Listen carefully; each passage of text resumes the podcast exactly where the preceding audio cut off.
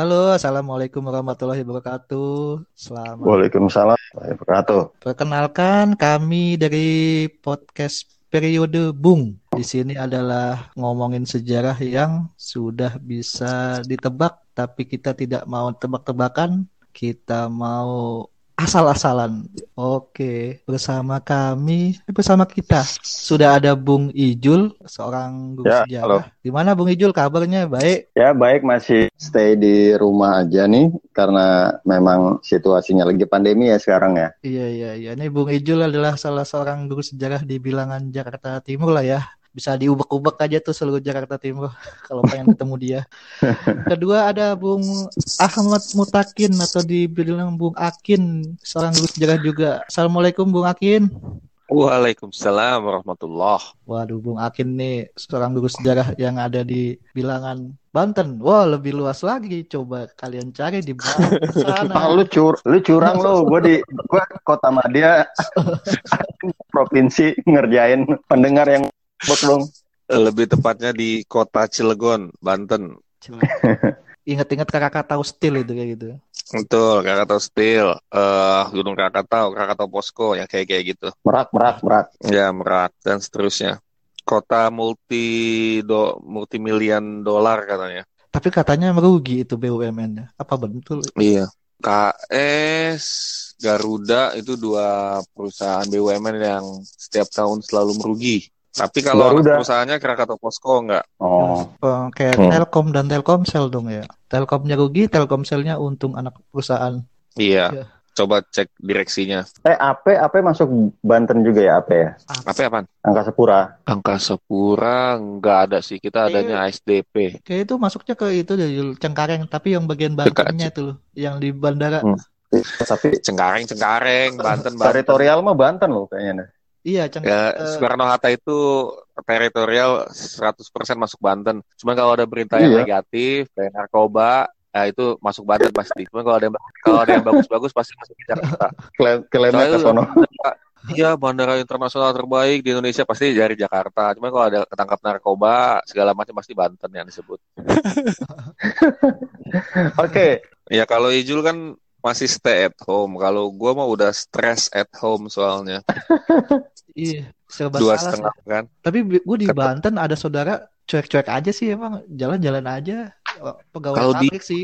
Di kota Cilegon itu tiga minggu pertama eh, instruksi untuk WFH itu kita tertib tiga minggu pertama ya. Cuman pas udah minggu keempat sampai hari ini plus pas masuk bulan puasa itu akhirnya eh, nggak ini udah udah bosen. Jadi efektif tiga minggu pertama di di kota Cilegon. Kalau gue ada di saudara di Curug yang dekat STP STP itu sekolah tinggi penerbangan itu.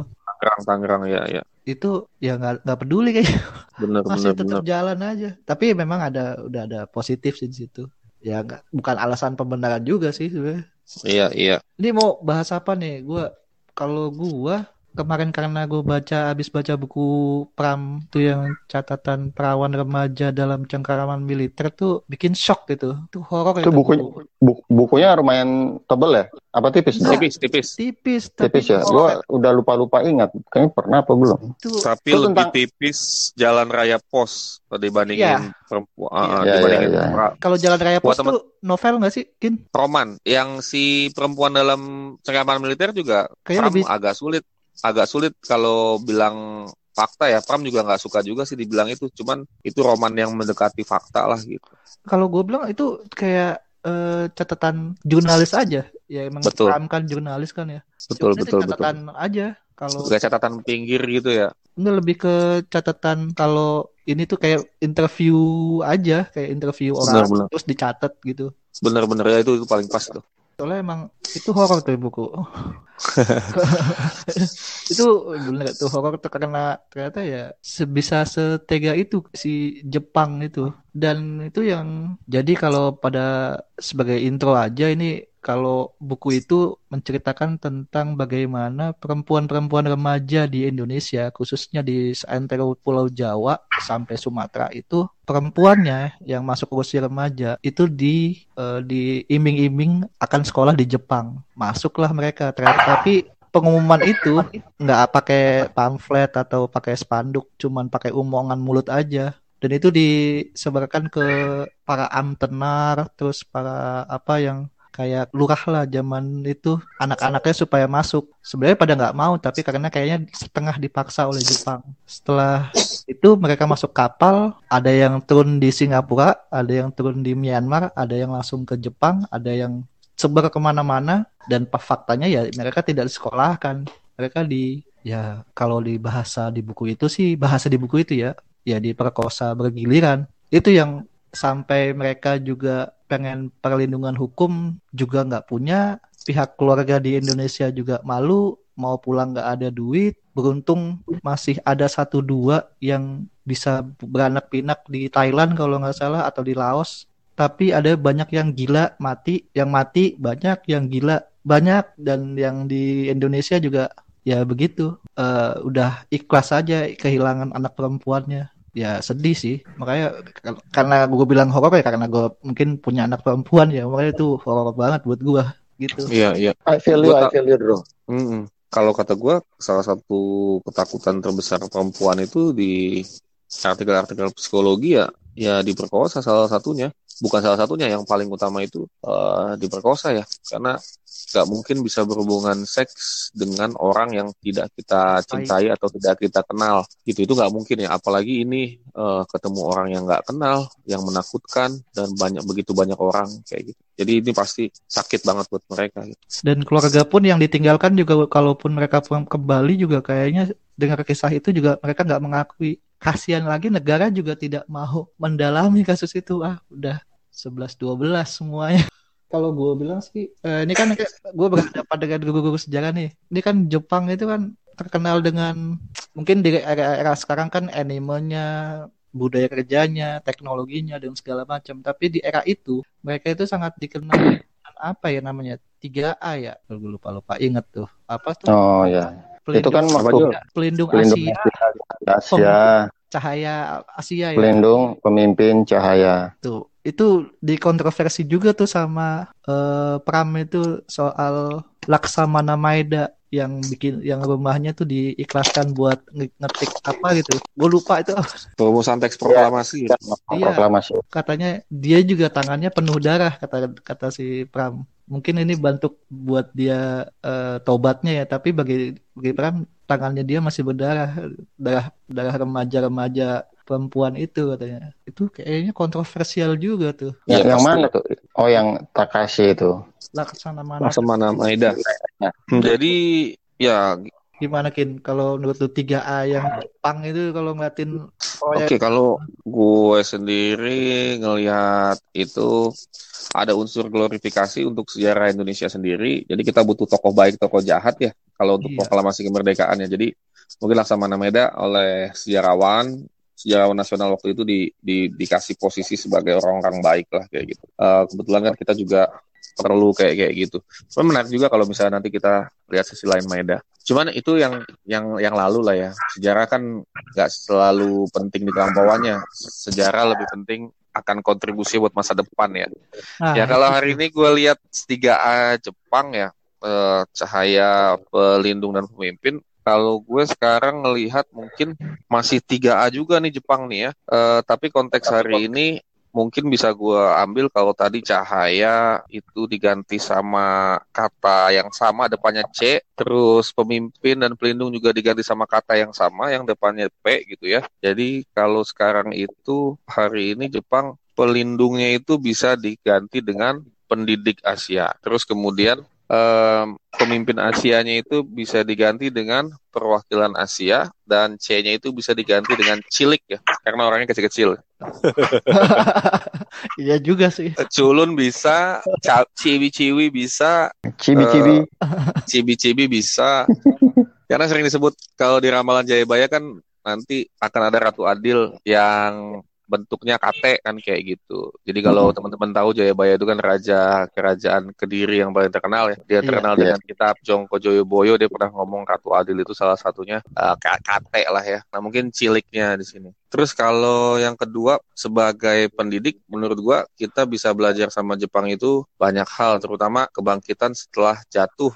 Uh, Jepang jatuh ketika kedatangan kapal hitam ya. Terus kemudian Jepang bangkitnya pas restorasi Meiji. Jadi habis dia ditaklukin sama Amerika, dia bangkit lewat restorasi Meiji. Uh, sebelum restorasi Meiji ada pemberontakan klan Chosu dan Satsuma. Jadi dia hancur, hancur, hancur terus bang. Terus kemudian Perang Dunia Kedua kan juga menghasilkan kehancuran yang besar juga buat Jepang. Tapi kembali dia bangkit lagi. Jadi menurut gua yang kedua itu dia pendidik juga buat bangsa-bangsa Asia yang lain. Bagaimana kita hancur lebur 9 kali, tapi yang penting 10 kali bangkit gitu. Dan yang terakhir dia perwakilan Asia juga sekarang karena satu-satunya negara Asia yang masuk ke G8 negara-negara paling maju ya cuman sekarang udah jadi G7 karena Rusia aja nggak ditemenin uh, menurut gua sih itu sih kalau kalau yang bisa kita ambil bahwa sejarah bukan hanya penting di kelampauannya tapi konteks hari ini bagaimana bangsa kita bisa belajar dari Jepang yang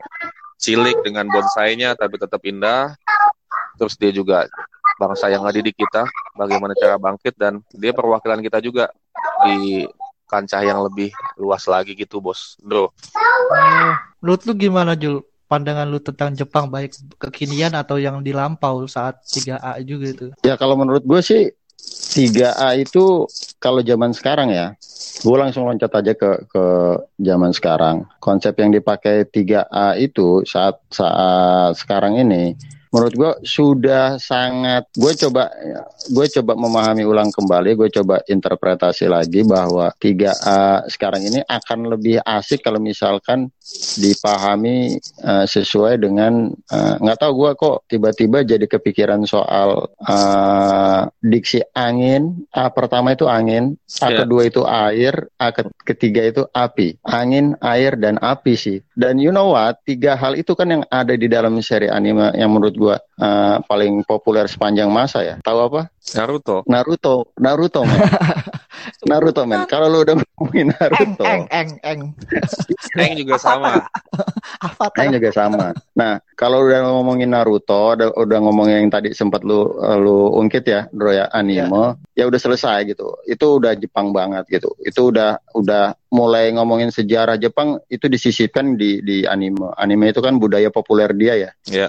Dan kalau misalkan ngomongin uh, teori-teori sosial budaya yang kontemporer itu kan salah satu uh, infiltrasi yang paling canggih itu kan lewat kebudayaan kebudayaan populer. Uh, contoh lah ya, kebudayaan populer itu film misalkan. Lo lihat Parasite iya. bisa merajai. Sekarang itu kan dari Korea men. Itu dari Korea. Itu lewat lewat uh, masuknya kan lewat budaya populer juga. Pembuktian aja sih menurut gua. Nah sebelum Parasite itu udah ada animenya Jepang yang sudah lebih dulu sebelum Korea ya. Jadi menurut gue apa yang di uh, omongin Akin tadi disampaikan Akin itu juga uh, sudah diwakili juga diwakili salah satunya lewat lewat medium budaya populer anime ya. Yaitu Betul. angin air api gitu. Nah Terus refleksinya untuk Indonesia-nya sendiri gimana? Sampai sekarang sih kalau gue lihat sih uh, kita lebih banyak ya. Bu gue bukannya bukannya apa namanya uh, mengecilkan, tapi kita lebih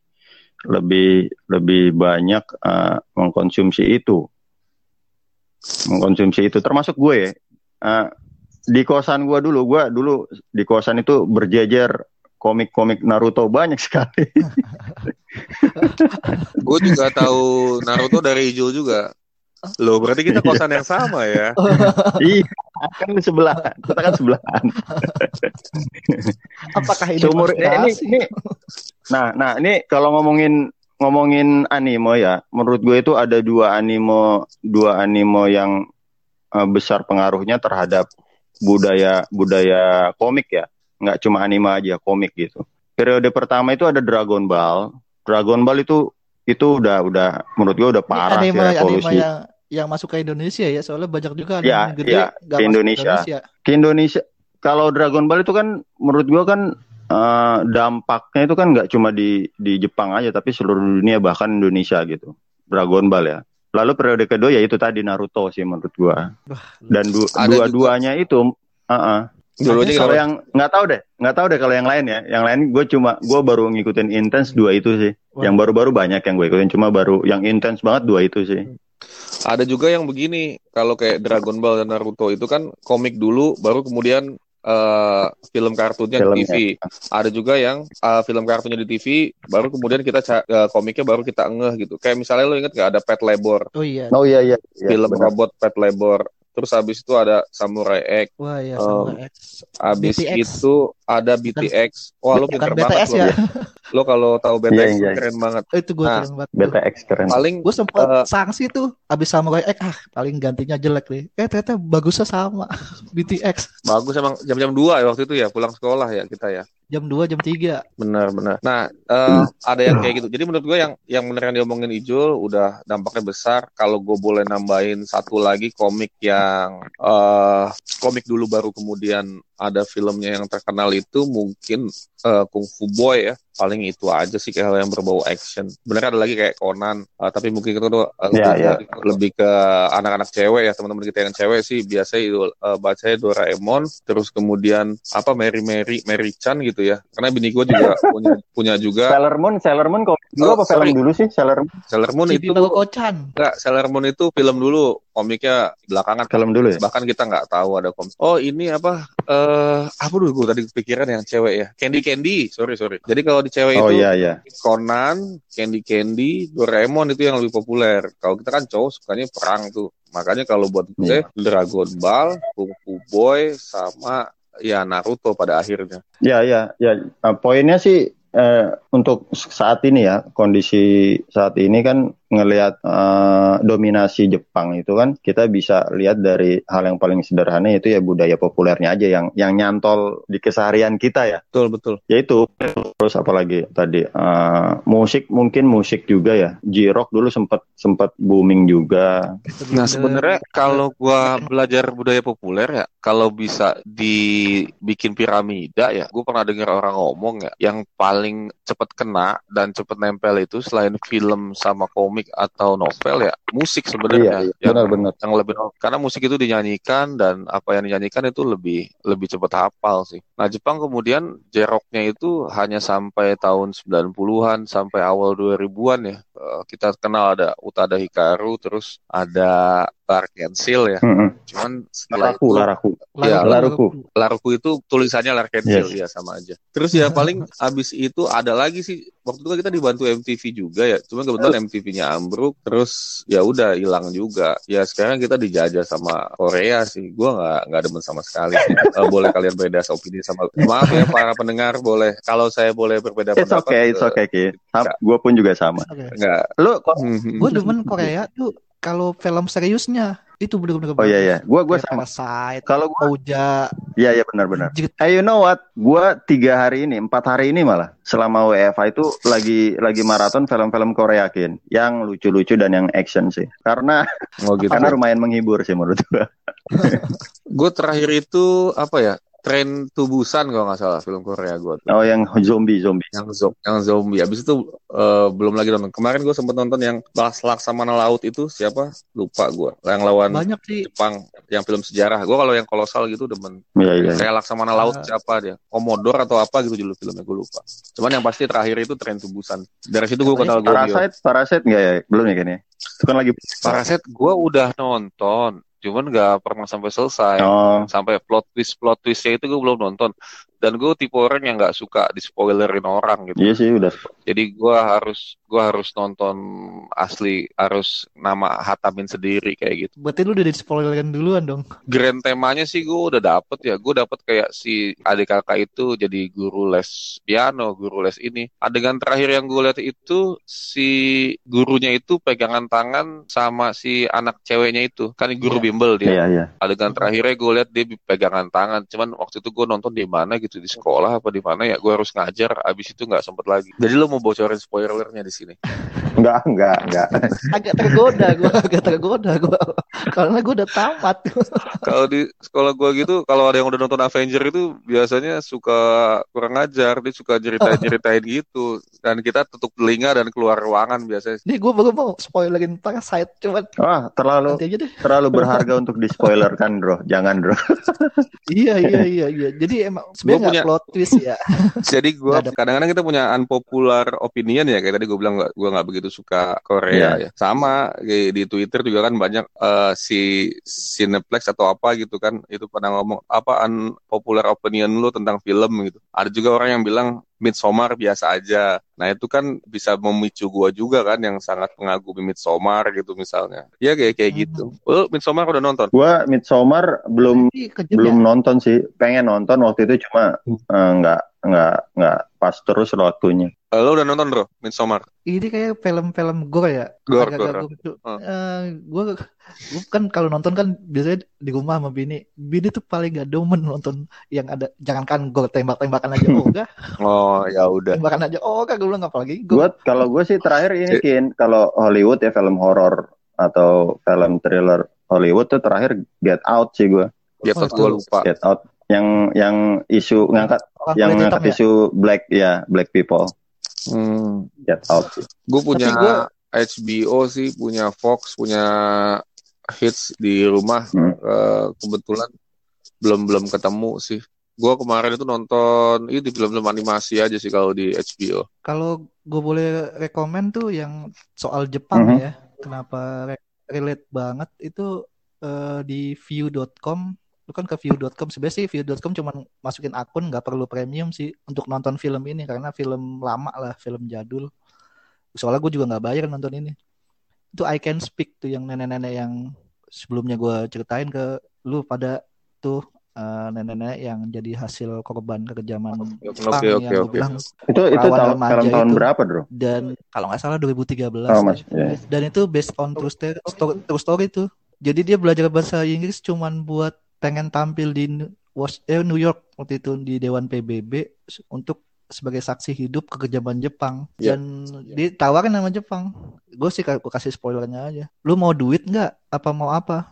Dia nggak mau nggak butuh itu. Dia pengen Jepang mengakui dan minta maaf. Udah. Oke, itu tapi Jepang sampai sekarang katanya nggak mau. Itu ada adegan-adegan yang gore atau yang ekstrim? Hah? ada. Nggak ada. Tapi sedih banget. Lu kalau sedih itu nenek-neneknya Berarti- tuh aktingnya bagus Berarti banget. rekomen ya untuk misalkan ditonton di kelas ya. ya ya karena satu-satunya bukan sih ya dibilang porno juga enggak. Lu ya bayangin ngeliatin badan nenek-nenek BH gitu kan gak enak. Ya, ya. Ya, itu nggak nggak nggak. Kalau itu masih dibilang porno itu kelewatan gue bilang. Jadi itu dia di ending filmnya itu itu. Nenek-nenek buka baju itu emang bener gak ada porno-pornonya. Kesian gue ngeliatnya. Iya, cuman ya kalau yang nonton cewek atau laki-laki yang bermartabat tinggi sih mungkin nggak apa-apa. Tapi lu tahu sendiri kadang-kadang anak sekolah kan ada yang teriak satu. Eh. Tapi gue yakin sih bisa ditonton. Kalau anak-anak menurut gue kayak gitu, satu teriak wah wah. gitu. Celutukan-celutukannya itu sih paling bro. itu nenek-nenek Iya iya. itu Tapi kalau Iya iya nggak apa-apa. Gua gue pasti cari itu I can speak. Maksud gue begini, orang kalau udah obsesi sama kayak nenek itu ya, kalau udah punya tujuan hidup ya, ya kayak gitu bisa ngelakuin apa pun dan nggak akan goyah sih. Iya dia panjang hidupnya pengen belajar bahasa Inggris, cuma Iya. nggak ada yang mau ngajarin dia gila. Jadi dia emang nggak bisa baca tulis awalnya. Emang nggak pernah sekolah, bogo-bogo sekolah kan di. Berarti bukan orang Jepang ya, Jepang. orang Korea berarti dia ceweknya. Iya orang Korban Korea, ya. orang Korea dan film bikinan Korea. Katanya sih itu film bikin hubungan Korea Jepang memanas karena ya itu kan bangkitin luka lama lagi ya. Mereka mah memanas Eh. setiap tahun bro. iya, Gue gua gua rada, gua mau nanya juga deh. Gue juga sering ngelihat eh, beberapa korban kejahatan perang kayak di Palestina. Terus kayak misalkan eh, apa namanya eh, korban-korban dari Korea Utara yang kabur itu banyak yang speak up di di PBB gitu. PBB emang ngebuka Iya. forum itu nggak sih? Emang apa sih yang namanya di sini ada Kongres HAM apa apa gitu ya Ah, HAM HAM. Ada lembaga hamnya siapa pun memang. yang mau speak up silakan gitu. Iya. Difasilitasi. Itu Oh nanti iya pengadilan pengadilan HAM internasional. di dalam PBB itu sendiri ada lembaga namanya Dewan HAM ya. Indonesia pernah Iya. dua kali jadi ketua Dewan HAM ini. Oh, I see, I see, I see. Zaman Iya. presiden ya, zaman presiden SBY dan presiden Joko Widodo sih. itu eh ya kalau di pelajaran sejarah ada nggak sih yang apa yang kayak Jugun Yanfu gitu yang udah yang udah beneran ada gitu nggak ada ya Kalau di kalau di materinya sih ada, gimana Ma- cuma nggak ya nggak dibahas panjang lebar di bukunya ya di tekstual book ya. Ya gimana gurunya aja menyampaikan itu, mengembangkan itu. Cuma sih ada bentuk kejahatan perang eh, apa Jepang pada waktu itu, korbannya, kebijakannya. kalau nggak salah kalau nggak salah Jepang udah bayar kompensasi ya kalau nggak salah ya Nah, gue juga kan sempat ngajar PKN juga. Di PKN juga kalau nggak salah itu ada isu-isu eh, tema yang mengangkat kejahatan perang. Salah satu contohnya di, kur- di kurikulum kita itu ngangkatnya ya Jugu Yanfu. Enggak, tapi Jepang memang beneran udah bikin kom- udah bayar kompensasi. Gue nggak tahu udah kalau itu. Kompensasi bayar ke keluarga-keluarganya. Wah, itu bedanya kita sama makanya kan gue refleksi ke Indonesia ini kayak bedanya nih eh, Korea sama Korea dan negara-negara yang lain. Kan Jugun Yanfu kan nggak cuma di Indonesia aja ya di Cina juga ada di mana-mana ada. Ya itu ketika lu bayar kompensasi eh, Jepang sudah istilahnya udah cu- cuci tangan. Mau seberapa pun kita minta Jepang pasti kasih ketimbang martabatnya dipermalukan. Makanya Korea tahu gue nggak mau duit lu gue mau lu bilang minta maaf. Karena lu sekali lu bilang minta maaf itu sampai generasi 10 generasi selanjutnya itu bakal tetap diingat itu Hmm.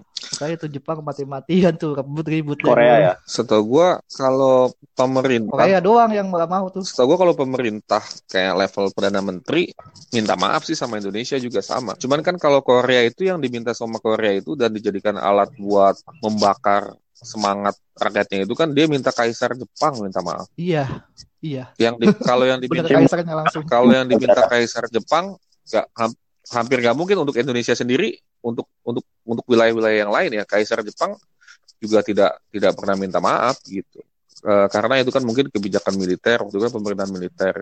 Militernya udah pada bunuh diri gitu ya. Dan levelan perdana menteri sih sudah minta maaf. Hanya kalau di Indonesia ya lo ya kita nggak minta lebih dari itu karena kita kan bersahabat sama Belanda juga kita bersahabat. Seperti itu sih lebih ke diambil hikmahnya kali ya kayak gitu. Jadi ini ter- terkait budaya bangsa sih. Kalau Korea kan perdana menterinya butuh sesuatu untuk menyemangati rakyat mereka. Jadi ketika dia tahu pemerintahannya nggak- akan dituruti, justru karena dia tahu pemerintah pe- permintaannya nggak akan bisa dituruti, akhirnya dia balik ke rakyatnya. Dia bilang makanya semenjak hari ini karena Kaisar tidak mau minta maaf seumur hidup kita sepanjang sejarah bangsa Korea se- seterusnya kita harus membalap mengalahkan Jepang dalam segala aspek dan itu terbukti hari ini sih. wah ini nih insight bagus nih ini Iya, iya. Ini jadi tampuk tampuk Jadi- sorry sorry bro, gua Jadi- gua gua gua nyambungin. Eh, Jadi ternyata tiga A-nya Jepang, angin air api versi gua itu sudah di maratonin ke Korea ya. di kop konsep, konsep Iya. sejarah itu kan kop di kop di kop sama Korea. Ada lagu Naruto, soundtrack Naruto ya, yang dinyanyikan oleh Akeboshi ya. Itu bahasa Inggrisnya itu sama gue, gue masih inget banget eh, yang yang Don't cry, you live so wise. Don't cry, cause you're so right. Don't cry. oh Ah, iya tahu tahu tahu tahu ah, itu kan kalau nggak salah Win ya, judul lagunya Iya. kan Win. iya iya Iya, iya iya. Naruto win Ah, ah, judul lagunya kan Angin. Nah itu di di verse satunya dia bilang begini, cultivate your anger to apa eh, to make them all realize. Jadi eh, lo panen rasa marah lo buat mem- untuk membuat orang lain tuh realize gitu sadar. Jadi eh, ya mungkin itu dilakukan oleh Korea. Jadi rasa marahnya itu di- dipupuk, disiram, habis itu dipanen. Ketika dipanen seluruh orang tahu. Seperti itu sih kalau kata gua. Indonesia butuh nggak kemarahan itu untuk supaya maju Butuh cuman nggak akan bisa sih kalau di sini. Kal- Kalau iya ya kita terlalu pemaaf ya Ya, permisif kita. permisif, pelupa. tapi sama tetangga kagak Makanya kalau sama kalau sama Malaysia justru bagus kita bisa bikin anime juga bisa bikin animasi juga akhirnya kan. Iya, iya. Meskipun gue masih timnya Upin Ipin ketimbang tim Nusa gue kalau gue sih ya. Kalau gue, karena Upin Ipin sangat Indonesianya kenapa masih pakai sendal jepit, main itu layangan main apa ya anak-anak lah pada umumnya Kalau kata gue itu mencerminkan ini, Ndro, mencerminkan Melayu, Ndro. Jadi Eh, Malaysia iya, iya. mem- Gue gue pernah bangga Gua- banget sama gue pernah ngobrol sama anak gue yang pertama. gue manggilnya Bang.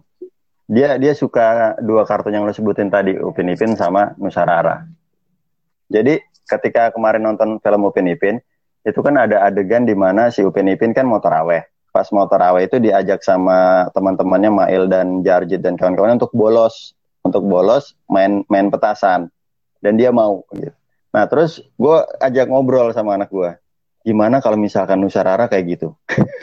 nah kayak itu ada kelemahan di Nusanya itu itu Terlalu sempurna Iya. ya. terlalu sempurna Iya. Eh, Oh. itu lu tidak membuat eh, memasukkan secelah sedikit pun pada dosa gitu loh kalau gue bilang bukan dosa ya bocah ya pasti ada aja kayak lu gak pernah gitu kan. Sampai sekarang udah tua juga masih dan kan. dan ketika gue ngomong itu eh, anak gue itu geleng-geleng. Nggak dia agak susah membayangkannya. Dan rada-rada senyum-senyum juga. Seakan dia Ya, kalau lu lihat. Iya seakan dia nggak nerima. Kalau Terima kalau Upin Ipin itu pendosa nggak ya. nggak terima nggak. Terima kalau Nusa Rara itu tanda kutip ti- ke setidak sempurna itu gitu kalau kalau kita tarik ke sejarah pembentukan negara Federasi Malaysia sih emang panjang ya. Kebetulan apa ya Inggris yang nyeting kan. Cuman Iya. Sarawak ya. Gue nonton di History Channel nih di TV. Itu kayak Sarawak itu di Kalimantan Utara itu untuk bisa gabung ke negara Federasi Malaysia untuk mau bergabung itu juga prosesnya panjang ya. Jadi Hmm. kayaknya mereka apa ya perbedaan itu ditampilin aja. Memang ada orang Chinese yang karakteristiknya begitu, memang ada orang India yang karakteristiknya begitu. gitu. Terus proses pembentukan negara mereka memang sangat penuh dialog sih. Agak beda sama kita. Kalau kita kan Soekarno, Hatta, terus PPKI ambil alih, bet bet bet bet bet, bet. Cepet ya, cepet dengan glorifikasi ya. Kalau Malaysia kan nggak perang kemerdekaan dia lawan Inggris kan, iya iya dia di negosiasi mereka berunding negosiasi karena Inggris sendiri yang berpikir bahwa oh ini udah waktunya Malaysia untuk merdeka kayak gitu. Nah merdekanya Malaysia punya setting kerangka kebangsaannya begini, kerangka politiknya begini. Nah kerangka-kerangka itu yang butuh dialektika pada kemudian. Cuman pemikiran utamanya dari Inggris. Tapi pada akhirnya juga akhirnya toh ja- jadi juga kayak gitu. Waktu itu butuh persetujuan Filipina sama Indonesia juga. Kenapa butuh persetujuan Filipina? Karena ada kan Kesultanan Sulu ya. Hmm. Kesultanan Sulu itu kan ada wilayahnya yang masuk Malaysia juga. Kayak kayak gitu ya kita tahulah konfrontasi kita sama Malaysia. Tapi artinya apa? Malaysia itu ya itu tadi dialognya itu kuat banget gitu. Akhirnya mungkin mereka merasa harus harus seperti itu, harus beda. Eh, beda nggak apa-apa gitu. ya. Tapi ya yang utama yang mana? Kalau gue lihat Malaysia sih konfrontasi konfrontasi Malaysia Indonesia kan emang berakar panjang ya dari perebutan wilayah sampai perebutan budaya sampai yang kecil-kecil soal ribut di stadion atau apa itu kan kayak udah terpupuk sejak lama ya. Tapi harusnya ya kalau gue ya pribadi ya justru kalau ras-ras Melayu ini atau negara-negara Melayu ini justru mestinya gabung timbang kita pisah ribut sama eh terus mengglorifikasi Jepang dan Korea rasa-rasanya kita yang disetir sama, sama- kalau di kawasan Asia ya kita yang disetir mendingan eh, Asia ada eh Melayu ya Brunei Malaysia dan Indonesia ya ya gabung kekuatan sih cuman memang ada hal-hal yang emang emang nggak bisa disatuin ini emang negara bertiga ini Ya, ya kita kan sebenarnya kan udah gabung sih, Bro. Cuma memang eh, ya hanya hanya tujuan yang makronya aja kayak di ASEAN itu kan udah jelas gitu. Ya, kalau kalau ngomongin bola ya itu kan emang nuansanya itu kan emang nuansa eh, apa Kompetisi. ya. kompetisi dan memang kadang perlu gitu. Yang yang menjadi catatan ya jangan-jangan ada batas-batasnya sih. Itu sih. Jadi, jadi kalau kita kembali ke tema gitu, misalnya 3A, eh, ya masing-masing negara punya eh, latar belakangnya masing-masing, terus punya apa yang ditonjolkan masing-masing ya. Oke. Mungkin Jepang ter- ter- terberkati dengan homogenitas masyarakatnya sih. Mereka sama kan semua di empat pulau utama. Paling hanya suku Ainu yang beda gitu. juga minoritas sangat Jangan minoritas sangat ya. minoritas. eh cuman dari sisi lain sumber daya alamnya sangat minus. Nah ini yang perlu kita belajar juga ya. Kita menonjolkan bineka, binekanya terlalu banyak, memang sangat banyak ya. Oh, bagaimana kita bisa mengolah itu ya? Ada ide-ide yang yang baru tentang itu sih. Kalau ngomongin Jepang itu kan menurut gua puncak transisi. Jadi setiap transisi satu bangsa, bahkan jangan bangsa orang ya, itu pasti ada kegalauannya sendiri gitu. Nah, Jepang berhasil ketika dia transisi itu yang ngomongin restorasi Meiji itu dia berhasil menghilangkan kegalauannya ketika dia mengadopsi budaya teknologi ilmu pengetahuan barat dan takut budayanya sendiri akan tergerus dia sudah berhasil meng meng menghilangkan kegalauannya bahwa jangan-jangan nanti budaya kita tergerus. Dia sudah berhasil meng meng menghilangkan itu dan sampai sekarang justru uh, masih memegang teguh uh, nilai-nilai yang tadi dibilang si Akin homogen itu loh itu. Hmm. itu beda sama beda iya, situasinya sama kita itu kita kan uh, sangat majemuk sangat ya itulah sangat bineka tunggal ika sekali gitu. Tapi ini gue mau ngeliat uh, ada anekdot bukan anekdot sih ya uh, kayak istilah gitu ya. Apakah benar penjajahan Jepang itu lebih kejam ketimbang penjajahan VOC bukan Belanda ya kalau menurut lu gimana? Kalau Menurut gua sama aja sih ya, Dro. Ya. Sama aja. Kalau ngomongin pembantian, VOC itu pernah melakukan pembantian abis-abisan, bahkan genosida di Pulau Banda gitu, di Kepulauan Banda.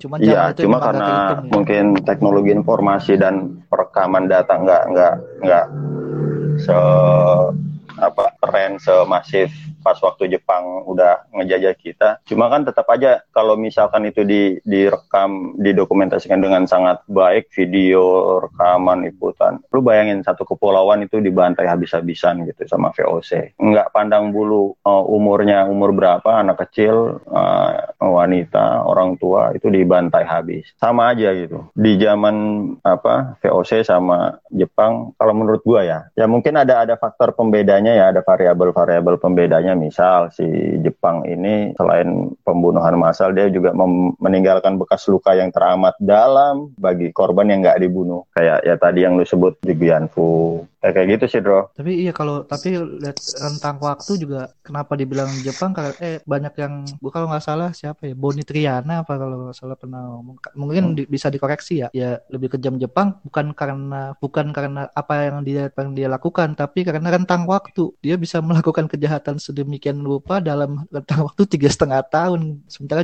Belanda eh, perang kemudian negosiasi dengan pribumi perang lagi negosiasi lagi jadi ada ya, ya, masa ya. Breaknya gitu. Tapi kalau Jepang tiga setengah tahun itu benar-benar tidak dikasih napas sedikit pun katanya. Gimana Kin?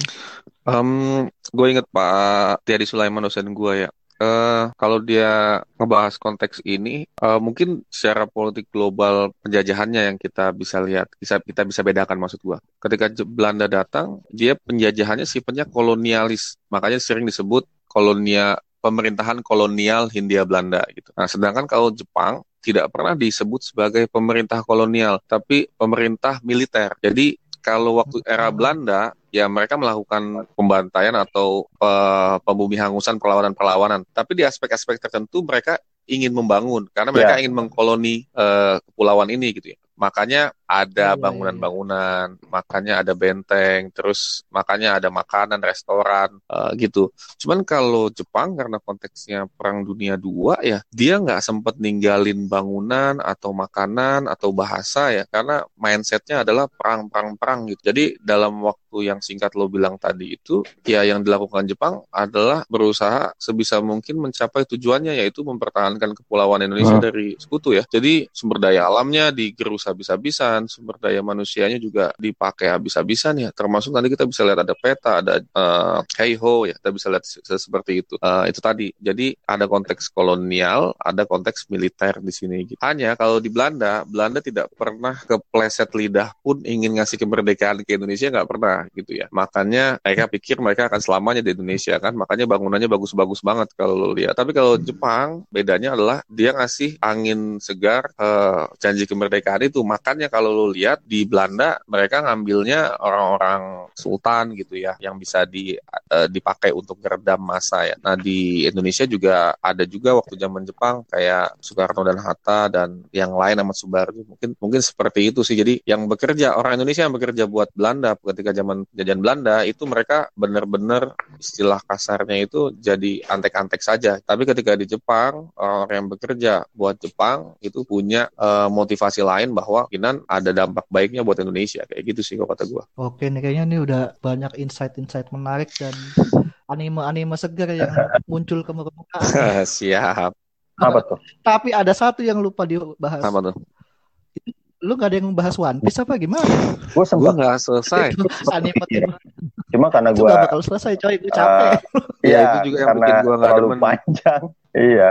Terlalu panjang Heeh. si Widi kan doyan ya? Iya, Widi iya. dulu waktu masih di Didak si Widi sampai pernah ada artikel gitu penulisnya si Eiichiro lupa Oda. gua. Eiichiro Oda itu diancam sama pendukung One Piece sama fansnya supaya nulis terus.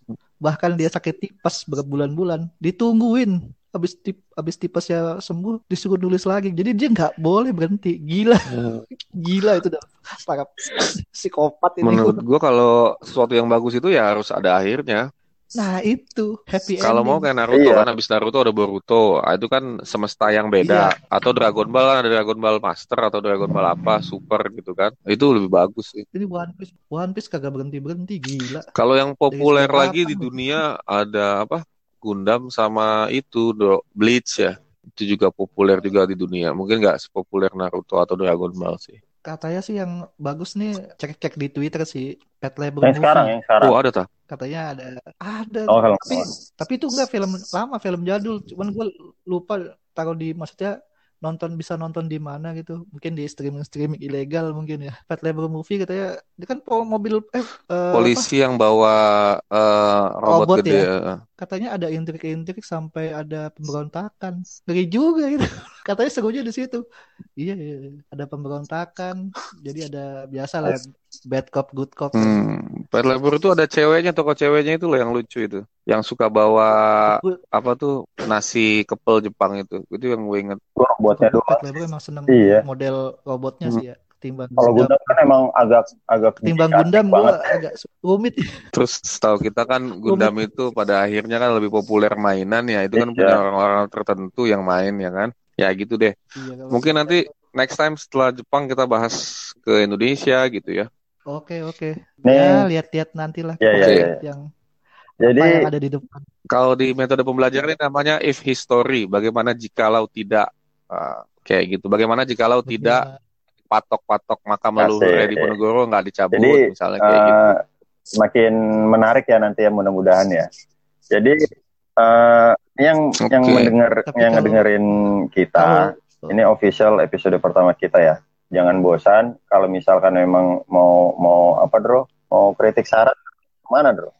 Komen, hmm, nanti deh ada di twitternya ada di instagramnya insya Iya, Allah iya, dibuat iya. soalnya instagram agak-agak susah ketimbang bikin twitter kalau facebook udah nggak tahu ya gue udah nggak tertarik Ya, ya. Facebook udah nggak menarik sih kecuali mengingat-ingat masa lalu. eh.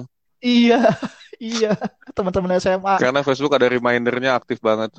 ya udah gitu aja ya nanti kita sowan kapan-kapan lagi nah mudah-mudahan setelah corona corona ini bisa sowan-sowan atau Iya. ya Siap-siap soan-soan jarak jauh kayak gini juga asik nih. Thank you ya sudah Oke. di-invite, Bro. Oke oke nanti ya mungkin kita ketemu-temu lagi. Ya sekian udah ya caps dulu. Ya. Waalaikumsalam warahmatullahi Wassalamualaikum warahmatullahi wabarakatuh. Waalaikumsalam warahmatullahi